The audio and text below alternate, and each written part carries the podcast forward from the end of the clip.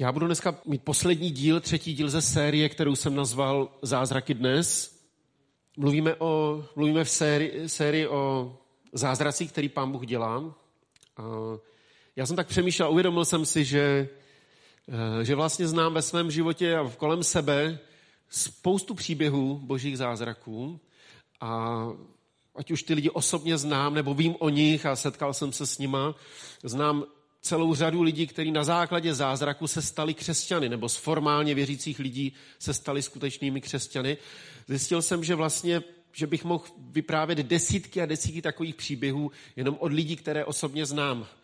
A uvědomil jsem si, že to je podobné vlastně se všema křesťanama, kteří jsou delší čas v církvi. Každý, kdo je v církvi, já nevím, 20 let a déle, tak kdybyste se ho zeptali, tak by vám dokázal vyprávět některý, některý podobný příběh. Myslím, že to tak opravdu je. Kdybyste se zeptali, já nevím, Karla s Boženkou, nebo mojí mamky, nebo Světlany, nebo někoho, kdo je mnoho let v církvi, tak by jim hned naskočili příběhy lidí, který který osobně znají, kteří zažili nějaký zázrak. Někdy to bylo dramatičtější, někdy méně dramatické, ale myslím, že že mi dají zapravdu, nebo i Tesárkovi, nebo jo, lidi, kteří jsou nějaký čas v církvi, známe osobně těch příběhů spoustu, několik. Jo, a, něk, a některé jsou dramatičtější, některé méně. Eh, já jsem si vzpomněl na, eh, na příběh, který se váže k našemu městu, k Ústí nad Labem. Já jsem byl před nějakým časem na křesťanském festivale United a potkal jsem tam, na ulici jsem tam narazil na, eh, na Sašu Fleka. To je člověk, který překládal, byl vedoucí týmu, který překládal Bibli B21, ten překlad, pokud čtete z překladu B21, tak on byl vedoucí toho překladatelského týmu. Taky někdy se říká, to je takzvaná Bible flekovka. Jo? B21. A překladu KM se říká se Zelinovka, jo? protože to zase Tonda Zelina byl vedoucí toho týmu. Tak, eh, tak jsem tam narazil na Sašu Fleka a říkám, je, já si tě pamatuju z 90. let a tak jsem se představil, on samozřejmě, já jsem byl teenager tenkrát, že, tak on si mě nemohl nemohl pamatovat z Prahy, ale tak, tak jsem s ním mluvil, a že jsem z Ústí nad Labem a že jsem pastorem v Ústí a on jo, a teď mi povídá, no na Ústí já mám jednu z, z takovou vzpomínku, jeden z nejsilnějších jako zážitků s Bohem, které jsem kdy zažil. A, a já jsem to slyšel tenkrát ten příběh vyprávět a teď on tam ve Vsetíně na ulici mi začal vyprávět, vyprávět ten příběh. A Bartovi to určitě budou pamatovat, protože e, ten příběh znali, nebo v, tom, e, tu, tu dobu si pamatujou. A, a je to nějaké, jsou to 90. let a víte, jaký to byl rok, když ten Saša tenkrát jsem přijel do Ústí? To se Honza eh, obrátil, je to tak? Pamatuju si to správně. Nějaký rok, kolik? Ještě před revolucí? Za, ještě za komunistů? Po revoluci? 90? 89? Jo, možná těsně před revolucí. A církev byla, naše církev byla povolená v lednu 89. Eh, manžel Světlany Drážďanský, který eh, většina z vás znáte, eh, dneska už je u pána Honza, tak tak on byl narkomán a tak, a tak prožil takové dramatické obrácení. A Saša Fleck tenkrát přijeli z Prahy nějak se modlit ještě s nějakou skupinou mládeže za něj, já už přesně nevím ty podrobnosti, Bartovi vám pak můžou povyprávět ten příběh, že se to budu možná ještě pamatovat z té doby. A Saša Fleck mi tam na ulici prostě ve říká, no já si to pamatuju, člověče, já jsem, my jsme se nějak, myslím, že to bylo v podstatě zpátky do Prahy, že se vraceli. To bylo, ty modlitby byly dlouho do noci. Já jsem byl teenager, pamatuju si, že nás vyhodili z té modl- místnosti, kde se modlili, protože to bylo takový nějaký dramatický. On za tam nějak křičel a něco. Tak nás poslali vedle do místnosti a říkal, proč tam nemůžu být, mě to strašně zajímalo, co se tam děje vedle, že jo. tak eh, my jsme se modlili nějak vedle, jako ty teenageři, děti, takový větší děti a a Honza se obrátil, zázračně byl během jediného okamžiku vysvobozený z drog a, a stal se křesťanem. A, a oni se potom nějak pozdě vrac, večer vraceli domů, nebyla dálnice, jeli po té staré prostě do Prahy, těma vesničkama, městečkama, jak se jezdilo, si pamatujete, po, bez dálnice, jak se jezdilo Ústí Praha. A a Saša Fleck říkal, no aby jsme takhle jeli, všichni byli unavený, já jsem řídil a usínal jsem u toho řízení. Nějakou starou škodovkou prostě rozrachtanou, že jako správný křesťan. No jiný auta nebyly, že jo, tak 89. čím mohl jezdit, že jo.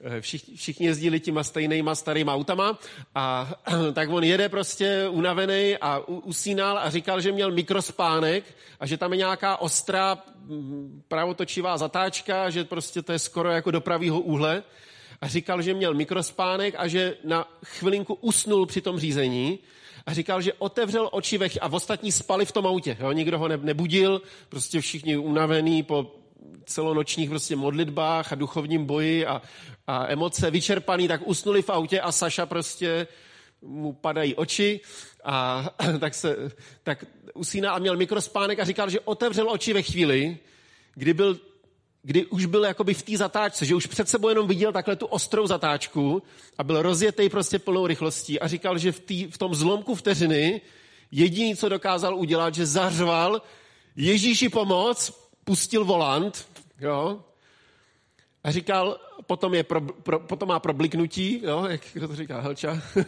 potom je problik a říkal, v dalším okamžiku já jedu za tou zatáčkou po té rovné silnici s tím autem, jo.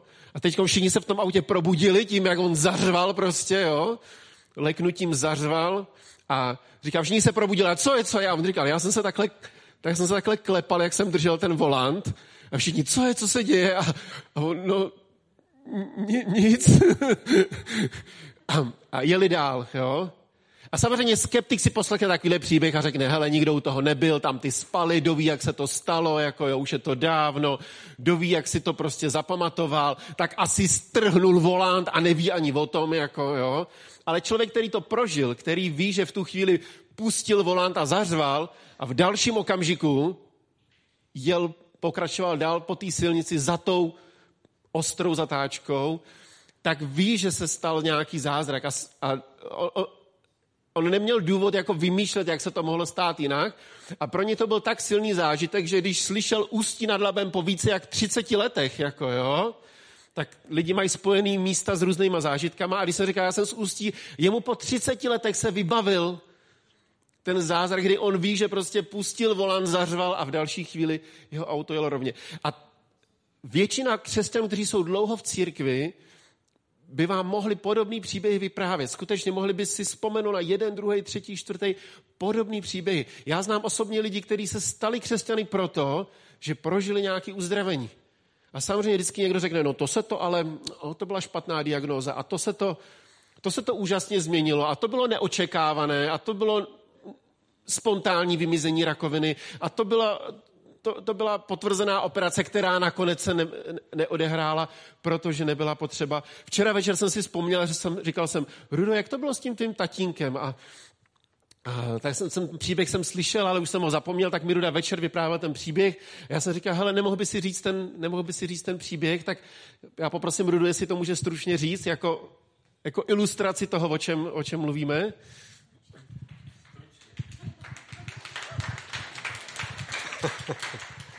tak já vás zdravím všechny. Jmenuji se Ruda Tesárek, už spousta mě tady zná, už jsme tady skoro jako doma. No, proč jsme tady, nebo proč jsem křesťanem? Moje rodiče, jak vidíte na obrázku, my jsme byli od malička vedený k Bohu. My jsme chodili do kostela, tam, kde jsme bydleli, takže v Praze do kostela, potom v Unošti do kostela.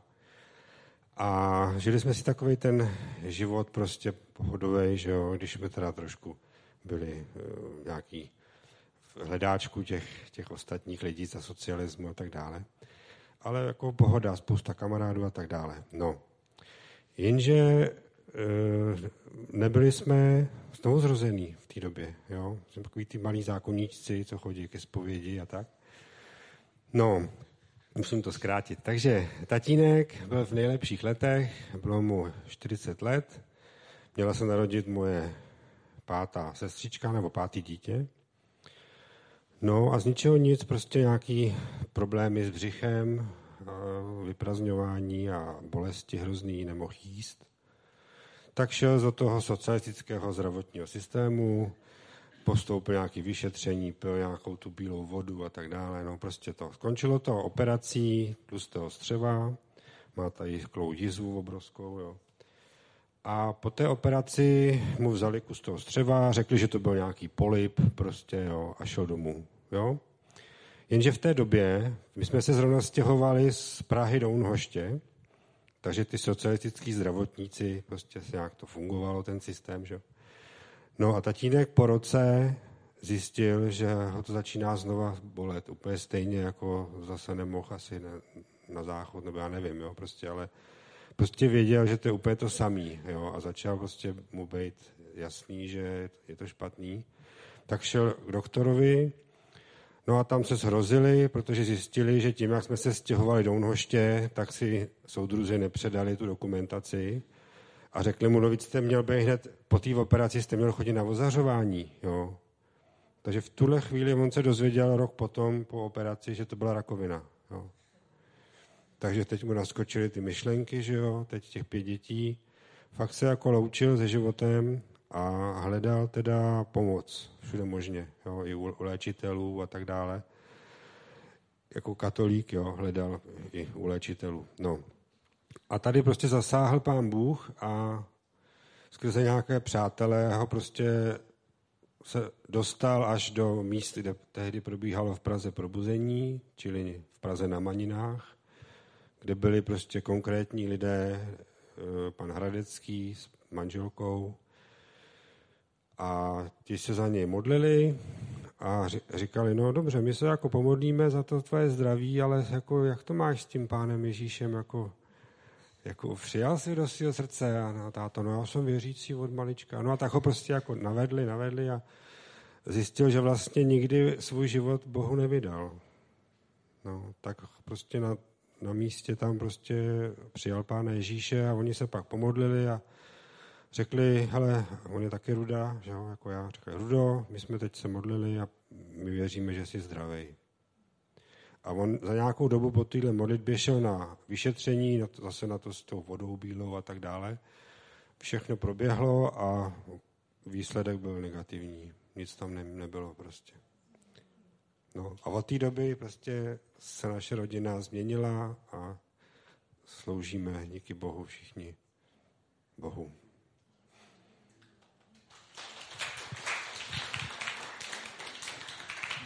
Tady ještě Atinka říká, že ještě potom se narodil ještě Honza, čili nás bylo nakonec šest a rodiče dodnes jsou takhle veselí a usměvaví. Takže díky Bohu. Jo, díky Rudo. Rudův tatínek je v pokročilém věku, rakovina se mu nikdy ne, nevrátila, má různý zdravotní problémy vzhledem k tomu věku a nevím, co všechno, měl se, se, se srdcem vidět problémy a oč, oči špatně vidí, už s ním nechtěli pak jezdit autem, protože říká, že odhaduje přibližně, kde, kde je ta silnice, tak pak už mu nedovolili, nedovolili řídit. Ale to už je po vysoký, vysoký věk. Ale ta rakovina, která, která se mu podle všech příznaků jako začala vracet, tak zmizela. Jo? A zase řeknete, no tak kdo ví, jak to bylo, že jo, kdo ví, jak to bylo. Ale to není, pro něj to nebylo podstatné. On věděl, že pán Bůh zasáhnul v jeho životě. Věděl, že to je zázrak. A uh, v těch minulých dvou dílech jsem mluvil o tom, že zázraky se nedějí tak, aby jsme viděli každý den, ale dějí se dost často na to, aby jsme si mohli být jistí, že pán Bůh to dělá. A schválně můžete mě vzít za slovo, zeptejte se kohokoliv z těch lidí, jak jsem říkal, kdo jsou v církvi 20 let a déle, klidně po bohoslužbě zajděte za Karlem nebo za Boženkou a, a buďte si jistí, že takových příběhů by vám dokázali říct několik, je to tak? Napadá vás několik takových lidí. Jo? Stejně tak Ruda zná osobně dal, další lidi. Já znám osobně lidi, kteří jsou křesťani právě proto, že zažili nějaké, nějaký nadpřirozený boží zásah, nějaké boží uzdravení. Moje mámka proto začala potom eh, být v kontaktu s letniční církví, protože při jejím prvním setkání s těma křesťanama se stala nějaká nadpřirozená věc a ona věděla, že Pán Bůh je tam skutečně skutečný, reálný a živý.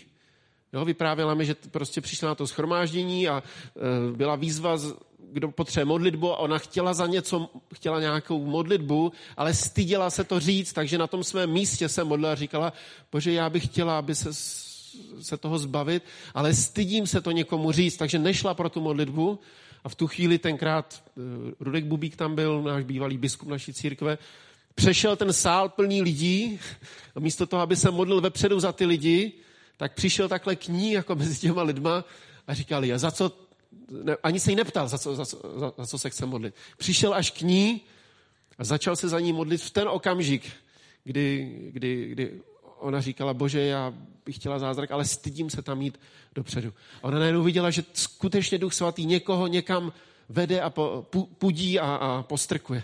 A takových příběhů bychom mohli, bychom mohli říkat spoustu. Já bych chtěl dneska zakončit tu sérii jednoduchou myšlenkou. Zázraky nás učí přijímat to, že Bůh je svrchovaný. Jak to jsem neříkal pro ty, kdo, kdo jste neslyšeli ty dva díly, celá ta série je založená na knize, která se jmenuje Zázraky dnes, proto jsem tu sérii tak pojmenoval. V každém tom díle jsem četl nějaký příběh z té knihy. Já jsem způsobil takovou mány, takže najednou lidi říkali, my si chceme přečíst tu knihu, o které mluvíš. Doufám, že pak na mě nebudou naštvaný, když se jim to nebude líbit, ale podle mě to je skvělá kniha. Takže Radek Stelka hnedka jich asi 12 objednal a nevím, jestli ještě nějaká zbyla. Jedna. tak uděláme aukci, jo? Kdo, dá, kdo dá víc, zbyla poslední. Ne, můžete si to potom půjčit od těch, kteří to nedočtou, že není to tak tenký, a, a nebo těch, kteří to přečtou a bude se jim to líbit, tak si pak můžete tu knihu půjčit, a nebo kdyby byl velký zájem, tak vám můžeme ještě nějakou další objednat. Není to úplně levné, 380 korun stojí a je tam poslední. Takže kdyby o ní někdo měl zájem, tak včas řekněte, když tak pak ještě objednáme, objednáme další. Podle mě to je skvělá kniha. Je tam jeden příběh, jeden příběh za druhým. Ověřený s lékařskýma eh, vyjádřeníma tam, kde to bylo možné, eh, od důvěryhodných lidí, od důvěryhodných vedoucích, kteří osobně ty lidi znají. A i ten autor přímo si dal tu práci, že tam, kde to bylo možné, tak s těma lidma mluvil, navštívil je, mluvil s jejich pastorem, mluvil s jejich lékařem. Některé z těch příběhů jsou skutečně uh, neuvěřitelné. Uh, zázraky nás učí přijmout to, že pán Bůh je svrchovaný. Věta, která se v té knize mi hodně zarela do paměti, když tam doktor Kiner píše, pán Bůh nehraje podle našich pravidel, i když k ní máme dobré důvody. To je taková věta, která mi resonuje v hlavě. Pána Boha nikdo nemáme v kapse, v krabičce, na zavolání, automat na modlitbu, hodíš modlitbu a e, vypadne splněné přání, protože Pán Bůh je svrchovaný, dělá věci dost často jinak, než myslíme, v jiném čase, jiným způsobem a vůbec mnoho věcí dělá úplně jinak, než bychom si mysleli. A někdy dokonce úplně jinak, než si myslíme, že by se hodilo, že by to bylo správné, že by to, že by to pomohlo že by to pomohlo té situaci. Někdy si úplně říkáme, pane, ty si tak úplně propás tu příležitost něco udělat. Jo, jako kdyby pán Bůh měl podle našich představ, podle našich plánů. Když to bylo úplně tak nachystané, už stačilo jenom, aby se to stalo. A naopak tam, kde to vůbec nečekáme, tak pán Bůh, pán Bůh jedná. A zázraky nás učí přijmout právě to. Učí nás pokoře. Že pán Bůh nedělá ty věci tak, jak my chceme, ale když pokorně voláme k Bohu, tak byste příběh, jako, jako měl Ruda, nebo jako mi vyprávěl tam Saša Flek na, na chodníku. Takových příběhů můžete slyšet několik. A může to být tvůj příběh. Ale nikdy nevíš, jak to Pán Bůh udělá, kdy to Pán Bůh udělá. Já chci po, pozbudit vaší víru. Chci probudit vaší víru, že Pán Bůh dělá zázraky, skutečně nadpřirozené věci. Mohl bych vám vyprávět mnoho, mnoho podobných příběhů, nebo si přečtěte tu knihu. To jsou ještě dramatičtější příběhy, než jsem já sám osobně zažil. Pán Bůh dělá dobré věci, ale nikdo nemáme Pána Boha přečtenýho. Nikdo ho nemáme pod kontrolou. Pán Bůh je svrchovaný. My můžeme pokorně pokleknout před Bohem, říct, Bože, nerozumím tomu, ale z hlouby svého srdce volám k tobě o pomoc a o zázrak. Přečtu vám první příběh z té knihy, který to dobře ilustruje.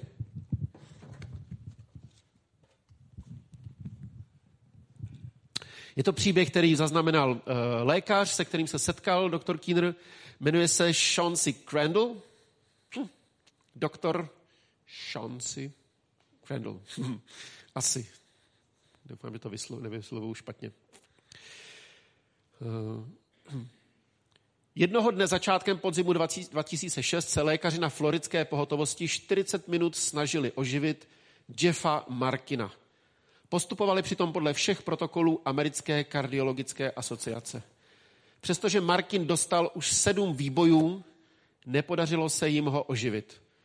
Doktor Crandall jako kardiolog potvrdil, že Markin už je mimo možnost resuscitace a krátce po 8 hodině raní byl Markin prohlášen za mrtvého. Doktor Crandall sepsal nález a pak se vydal na obchůzku. Najednou podle jeho slov pocítil neobvyklé vnuknutí Ducha Svatého, aby se vrátil k tělu, které sestra mezi tím chystala do márnice. Byl kře- křesťan, jo, ten doktor Krendl. Markinovi oči byly nehybné a rozšířené, obličej a končetiny zčernaly cyanózou. To nevím, co je. Filipe, nevíš, co je cyanóza? Aha. A byl nepochybně mrtvý. Krendl toho dne necítil žádnou velkou víru, ale uposlechl vnitřní nabádání. Doktor Krendl se za Martina nahlas modlil, aby ho Bůh oživil a dal mu druhou šanci poznat pána. A pak naléhal na svého kolegu lékaře z pohotovosti, aby zkusil dát Martinovi ještě jeden výboj. Kolega se zdráhal, protože se všichni shodli na tom, že Martina už nelze resuscitovat, ale z úcty ke Krendalově prozbě svolil a dal mu ještě jeden výboj. Najednou plochá čára na monitoru přeskočila na normální srdeční tep. To se běžně nestává, ani když se srdce jen na krátkou dobu zastaví. Za více než 20 let, co pracuji jako kardiolog, poznamenává doktor Krendl, jsem ještě nikdy neviděl, že by se srdeční tep obnovil tak úplně a tak náhle. Martin začal bez pomoci okamžitě dýchat, za několik minut začal hýbat končetinami a mluvil. I když už šest minut bez kyslíku může způsobit nenapravitelné poškození mozku, Martin neměl poškozený mozek ani žádné problémy s jinými orgány. Po tomto zážitku začal pravidelně navštěvovat doktora Krendla a skutečně poznal pána Ježíše. Doktor Krendl mi dokonce poslal jejich společnou fotografii z Martinova pozdějšího křtu. Nezávislí novináři vyslechli svědky a prověřili zdravotní záznamy a jejich zpráva se rozšířila široko daleko. Krendl měl jako kardiolog dobře vybudovanou pověst a netoužil ji riskovat tím, že by se snažil získat pochybnou slávu kontroverzním tvrzením o vzkříšení. Přesto tato zkušenost doktora Krendla pozbudila, aby se modlil za další zázraky. Víte, přečteme si takový příběh a říkáme si, to musí být něco neuvěřitelného. Být toho účasten. Vidět v podstatě vzkříšení z mrtvých. Čteme v Bibli o vzkříšení, kdy Ježíš někoho vzkřísil, říkáme si, to už se snad neděje.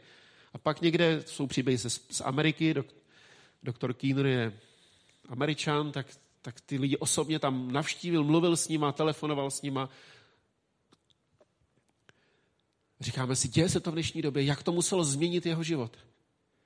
A víte, já to čtu i proto, že o několik kapitol dále doktor Keener píše velice zvláštní věc.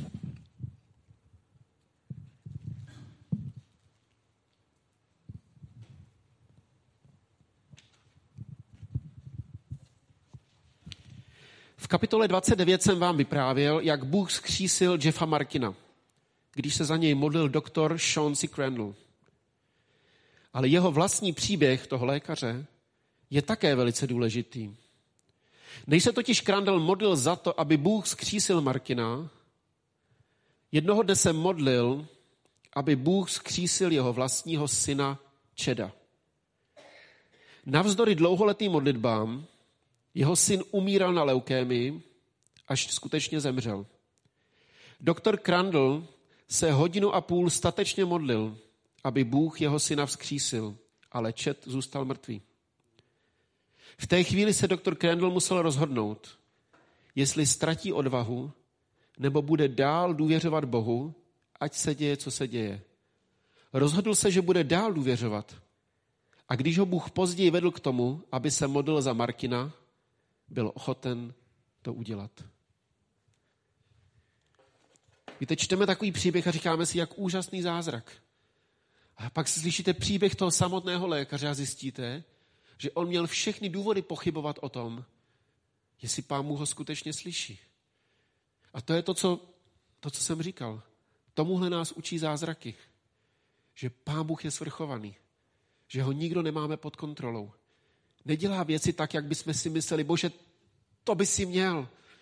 Bože, to by tak strašně pomohlo.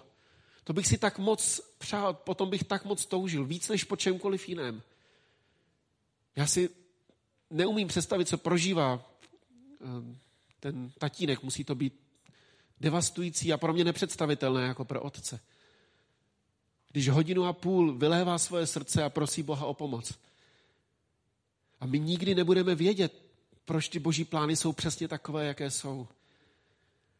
Ale jsou to zázraky, aby jsme mohli vědět, že Bůh je skutečný a živý, ale jsou to i zázraky, aby jsme zároveň mohli vědět, že Bůh je svrchovaný nade vším. Že dělá věci tak, jak on chce a podle svého. Když se všimnete v Bibli, nenajdete dva stejné příběhy, nenajdete dva stejné zázraky. A také tam vidíte, že Ježíš nějakého člověka uzdravil a mnoho jiných ne. Vidíme tam příběhy, ve kterých ti lidé doslova se jakoby brali, prali o to, aby byli uzdraveni. Kdo znáte Bibli, tak si možná vybavíte některé z těch příběhů, kde někdo opravdu se ve víře jakoby natahoval o tu boží pomoc. Žena, která mnoho, mnoho let měla, měla krvácení, vynaložila všechny prostředky, lékaři nemohli pomoct, si řekla ve svém srdci, dotknu se jenom Ježíšova pláště a budu uzdravena. Až, až šla pro ten, pro ten zázrak a byla, byla uzdravena. Slepý Bartimeos, který, kterému říkali mlč, mlč, mlč a on odhodil ten plášť a říkal Ježíši, smiluj se nade mnou a ostatní ho odháněli a on se nenechal od, odehnat natahoval ruku po tom, po tom božím zázraku. Žena, cizinka, syrofeničanka, to znamená pohanka, které Ježíš říká tak drsnou větu a říká, co pak pán Bůh by teď měl pomoct tobě jako pohance místo svých dětí jako Izraele a říká jí to jako takovou výzvu, co ona, co ona na to. Ne, protože by jí pán Bůh nechtěl pomoci, ale aby se ukázalo, co je v jejím srdci. A ona říká, jo, ale i, i psy sbírají ty drobky, které spadnou pod sůl. Jako kdyby řekla, mě jedno teď, jakou nálepku mi někdo dá. Ale já vím, že pán Bůh mi může pomoct a já toužím po, té, po tom zázraku. Ale stejně tak jsou tam zázraky, u kterých jako kdyby ti lidé jako kdyby tam nehráli nějak zásadní roli. Petr toho chromého vzal, pomáhal mu stát, je tam napsáno v té chvíli, jak slyšel to Ježíšovo jméno, tak se pod ním spevnili jeho nohy. Ježíš skřísil toho syna té vdovy, aniž by ona volala o zázrak, aniž by pronásledovala Ježíše, pomoz mi, pomoz mi, uzdrav ho, než zemře a když zemřel, aby ho skřísil z mrtvých. Ježíš se zastavil a ukončil pohřeb. Chlapec vstal z lůžka. Ale zase, v Izraeli denně se asi odehrálo mnoho pohřbů, že? Jenom v té oblasti, kde Ježíš se pohyboval, každou chvíli byl nějaký pohřeb. Je to tak? Proč pán Bůh se zastavil u toho syna té vdovy? No nevíme, protože pán Bůh je svrchovaný proto aby ukázal, jaká je boží moc, proto aby nějak ty lidi konfrontoval, proto aby ty zázraky ukazovaly na Ježíše jako znamení, o tom jsme mluvili v tom prvním díle, je to znamení. Přečtu vám druhý a poslední příběh z té knihy a tím dneska budeme končit.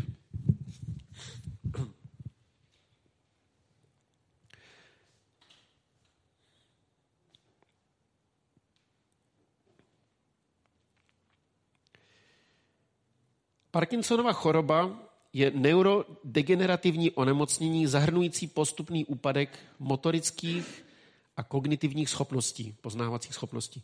Není známo, že by se v pokročilém stádiu její průběh zvrátil, zejména ne náhle. Přesto se tak stalo v případě pokročilé Parkinsonovy nemoci v Nizozemsku. Jedním ze spoluautorů té studie, která o tom mluví, byl lékař, u jehož pacientky došlo k uzdravení. Tým lékařů z lékařského centra Amsterdamské univerzity informuje o pozoruhodném případu ženy s rychle postupující pokročilou Parkinsonovou chorobou.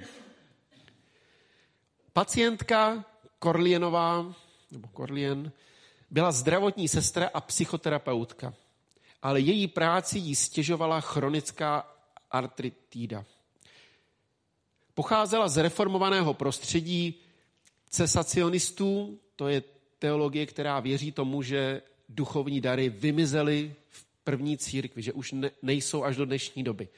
Od slova vymizet, cease, tak se tomu teologickému směru se říká cesacionismus, tedy jako víra, že dary, už duchovní dary, nadpřirozené dary vymizely v prvním století a už nepokračují až po dnešní dobu. My jako letničí církev právě věříme tomu, že ty dary neskončily a mají pokračovat až po dnešní dobu a pokračují po dnešní dobu. Ale v roce 2006 byla tak zoufalá, že přijala pozvání svých věřících přátel na bohoslužbu, kde byly modlitby za uzdravení. A ke svému úžasu byla uzdravena. Korlinová však měla i jiné nemoci a čekali ji další, včetně eh, čekali, eh, se omlouvám, čekají další vyšetření a včetně, nele, eh, včetně recidivy rakoviny prsu. Ne všechny se daly léčit. V září 2009 Korlínová navštívila neurologa poté, co měla potíže s psaním pravou rukou a celkovou stuhlostí pravé strany těla. Neurolog diagnostikoval Parkinsonovu chorobu, kterou předtím trpěli i její matka a její dědeček. Na začátku roku 2012 úplně ztratila schopnost mimiky a téměř úplně schopnost mluvit. Chodit mohla jen díky lékům a jenom na krátké vzdálenosti. Stále častěji musela užívat invalidní vozík, protože třes a stuhlost jí stěžovaly jakékoliv záměrné pohyby. Její manžel se o ní musel starat a ona očekávala blížící se smrt. Dne 6. dubna 2012 se zúčastnila velikonoční křesťanské konference s tím, že se svojí rodinou prožije ještě poslední velikonoce v kostele. Na závěr bohoslužby však pastor nečekaně vyzval přítomné k modlitbě za nemocné. Když se za ní začal modlit někdo, koho Korlinová ani neznala, pocítila, jak se nad ní snáší oblak horka. A když se rozplynulo cosi, co jí připadalo jako pletivo kolem jejího mozku, zvedla se z invalidního vozíku a zjistila, že už není postižená. V okamžiku došlo k jejímu 90% uzdravení, které stačilo k tomu, aby se vrátila do normálního života. Několik zbývajících příznaků se postupně zmírňovalo. Její manžel, který se o ní předtím staral, následující měsíc s údivem sledoval, jak se nyní dokáže starat sama o sebe. Když 12 dní po modlitbě navštívila svého neurologa, byl šokován jejím stavem. Změna byla příliš náhlá a příliš dramatická, než aby bylo možné připsat placebo efektu. To je efekt psychologický, že máte pocit, že vám něco pomůže a to vám zlepší váš stav, protože čekáte, že, že, že se něco stane. Přestože tato zkušenost zapadala do křesťanské víry paní Korlinové, jí samotnou šokovala. Vysilující příznaky zmizely a už se neopakovaly. Ona se vrátila k plné výkonnosti ve své profesi a v každodenním životě. Krásný zázrak, že? Jenže ten příběh pokračuje. V roce 2015 jí zbývalo jen velice málo příznaků nemoci. Lékaři tak začali mít podezření, že předchozí diagnóza byla chybná. Jak se někdy stává. Další testy ale tuto možnost vyloučili a potvrdili Parkinsonovu chorobu. Autoři z té studie, kde se o tom příběhu píše, poznamenávají, že, cituji, klinický průběh byl výjimečný, odporoval údajům ze zobrazovaných studií i běžnému chápání tohoto onemocnění píší lékaři. Jo? Klinický průběh byl výjimečný, odporuje běžnému chápání tohoto onemocnění. Jediným srovnatelným případem, který našli v, v lékařské, lékařské dokumentaci, já myslím, že to je můj mobil, mám stejný zvonění, bylo uzdravení jedné francouzské jevtišky, po přímluvě francouzských katolíků. tak v lékařské dokumentaci byl jenom jeden příběh, že někdo byl takhle rychle uzdraven. A zrovna to byla křesťanka další. Ovšem asi 9 let po uzdravení se začaly příznaky Parkinsonovy choroby u paní Korlinové znovu objevovat, začala pocitovat další fyzické problémy a vrátila se jí rakovina druhého prsu. V době psaní této knihy je výsledek lékařského vyšetření jejich příznaků Parkinsonovy choroby velice nejistý. Nicméně náhlé uzdravení z Parkinsonovy choroby jí poskytlo mnoho let obnovených schopností, dalo jí nový pocit boží lásky a boží věrnosti. A to pro ní vše ostatní staví do jiné perspektivy. Jak jsem říkal, pán Bůh nemá na seznamu priorit na prvním místě jenom hlavně jedině, aby naše tělo bylo zdravé. Pán Bůh na prvním místě má vztah s námi. A tak dělá věci různým způsobem v životě každého z nás. Ukazuje nám, pozbuzuje nás, napomíná nás. Skrze příběhy druhých lidí nás konfrontuje, dotýká se našeho srdce, proměňuje nás. Myslím, že tahle křesťanka, tahle naše sestra ve víře, už nikdy, nikdy nevidí Boha stejným způsobem jako kdysi dávno. Protože něco zažila. A nikdo nerozumí tomu, proč pán Bůh dovolil, že ta nemoc se vrátila. Proč u rudového tatínka už se nikdy ta rakovina nevrátila, to nevíme. Ale pán Bůh nemá na prvním místě tu největší prioritu, hlavně jenom to, ať si uzdravený. Pán Bůh má tu hlavní prioritu hlavně, ať můžeš patřit mně. Hlavně, ať přijmeme to, že Bůh je svrchovaný nad naším životem. Víte, je obrovský rozdíl, když člověk, i když má nemoc, i když ví, že cítí, že se blíží konec, ví, že jeho život je v božích rukou. Ví, že je smířený s Bohem. To mění perspektivu našeho života. A tak tím chci zakončit tuhle, tuhle sérii. Pán Bůh dělá neuvěřitelné věci. V té knize je, nevím, 200 příběhů možná, krátkých, dlouhých, na půl stránky, na jeden odstavec, na čtyři strany. Některé jsou tak dramatické, že, že člověk, který byl připraván do márnice, tak vstal a neměl žádné postižení, žádné poškození mozku, jenom protože nějaký lékař pocítil nějaký jemný povzbuzení Ducha Svatého. Zkus to ještě jednou. A zároveň jsou tam příběhy, které nejsou tak pozbudivé. A my všichni má, známe kolem sebe příběhy i jedny, i ty druhé. Ale já tě chci pozbudit. Budeme se teď modlit, tak jako na konci každé té série. A já tě chci pozbudit. Pán Bůh je svrchovaný nade vším, ale může udělat zázrak ve tvém životě. A tak chci zakončit tu sérii, to dnešní schromáždění modlitbou společně. Chci vás poprosit, jestli můžeme povstat a budu se modlit. Budu se modlit za zázrak ve tvém životě, ale ty se modli. Pán Bůh se k upřímému má upřímně. A jestli jsi se pětkrát modlil, tak se modli po šesté. A jestli jsi se stokrát modlil za tu věc, tak se modli po sto prvních. Pán Bůh je svrchovaný nade vším. Jestli potřebuješ uzdravení, modli se za to. Jestli někdo ve tvém okolí potřebuje uzdravení, modli se za to. Řekni to Bohu jednou větou, nemusíš mít mluvní cvičení. Na Boha neudělá dojem tvoje krásně připravená modlitba. Na Boha dělá dojem naše pokorné srdce, který uznává jeho svrchovanost, který uznává jeho vládu. Pokorný srdce, který řekne, Bože, ty máš všechno ve svých rukou, já ti patřím, já tě chci následovat, já chci se učit, jaký jsi a kdo jsi, chci být tvým učedníkem nebo tvojí učednicí, dávám ti plnou, přiznávám ti plnou moc a plnou autoritu. Ty jsi svrchovaný nade vším. Pokud jsi ještě nikdy nezažil nebo nezažila boží zázrak, modli se za něj dneska. Já ti nebudu slibovat, co se stane, protože já to nevím, ale můžu ti slíbit, že Bůh je skutečný a že jedná. Ty příběhy, které znám, příběhy, které jsem sám zažil, jsou skutečné. Ten lékař, který to vyprávěl, důvěryhodný, respektovaný lékař, kardiolog, který o tom vyprávěl a říkal, takhle se to stalo. Nedělám z toho žádnou pff, šílenou vědu, neumím to vysvětlit z lékařského hlediska, je to nevysvětlitelné, ale zažil jsem to a stalo se to. Budu se modlit.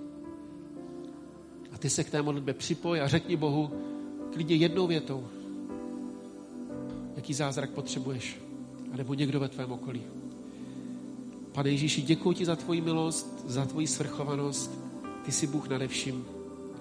Já ti děkuji za to, pane, že smíme spolíhat na tebe, můžeme se držet tebe. Pane, já se modlím za to, aby ty si jednal. Já se modlím za každého, kdo dneska potřebuje zázrak a tvůj dotek, aby si to udělal. Se modlím za každého, kdo potřebuje uzdravení.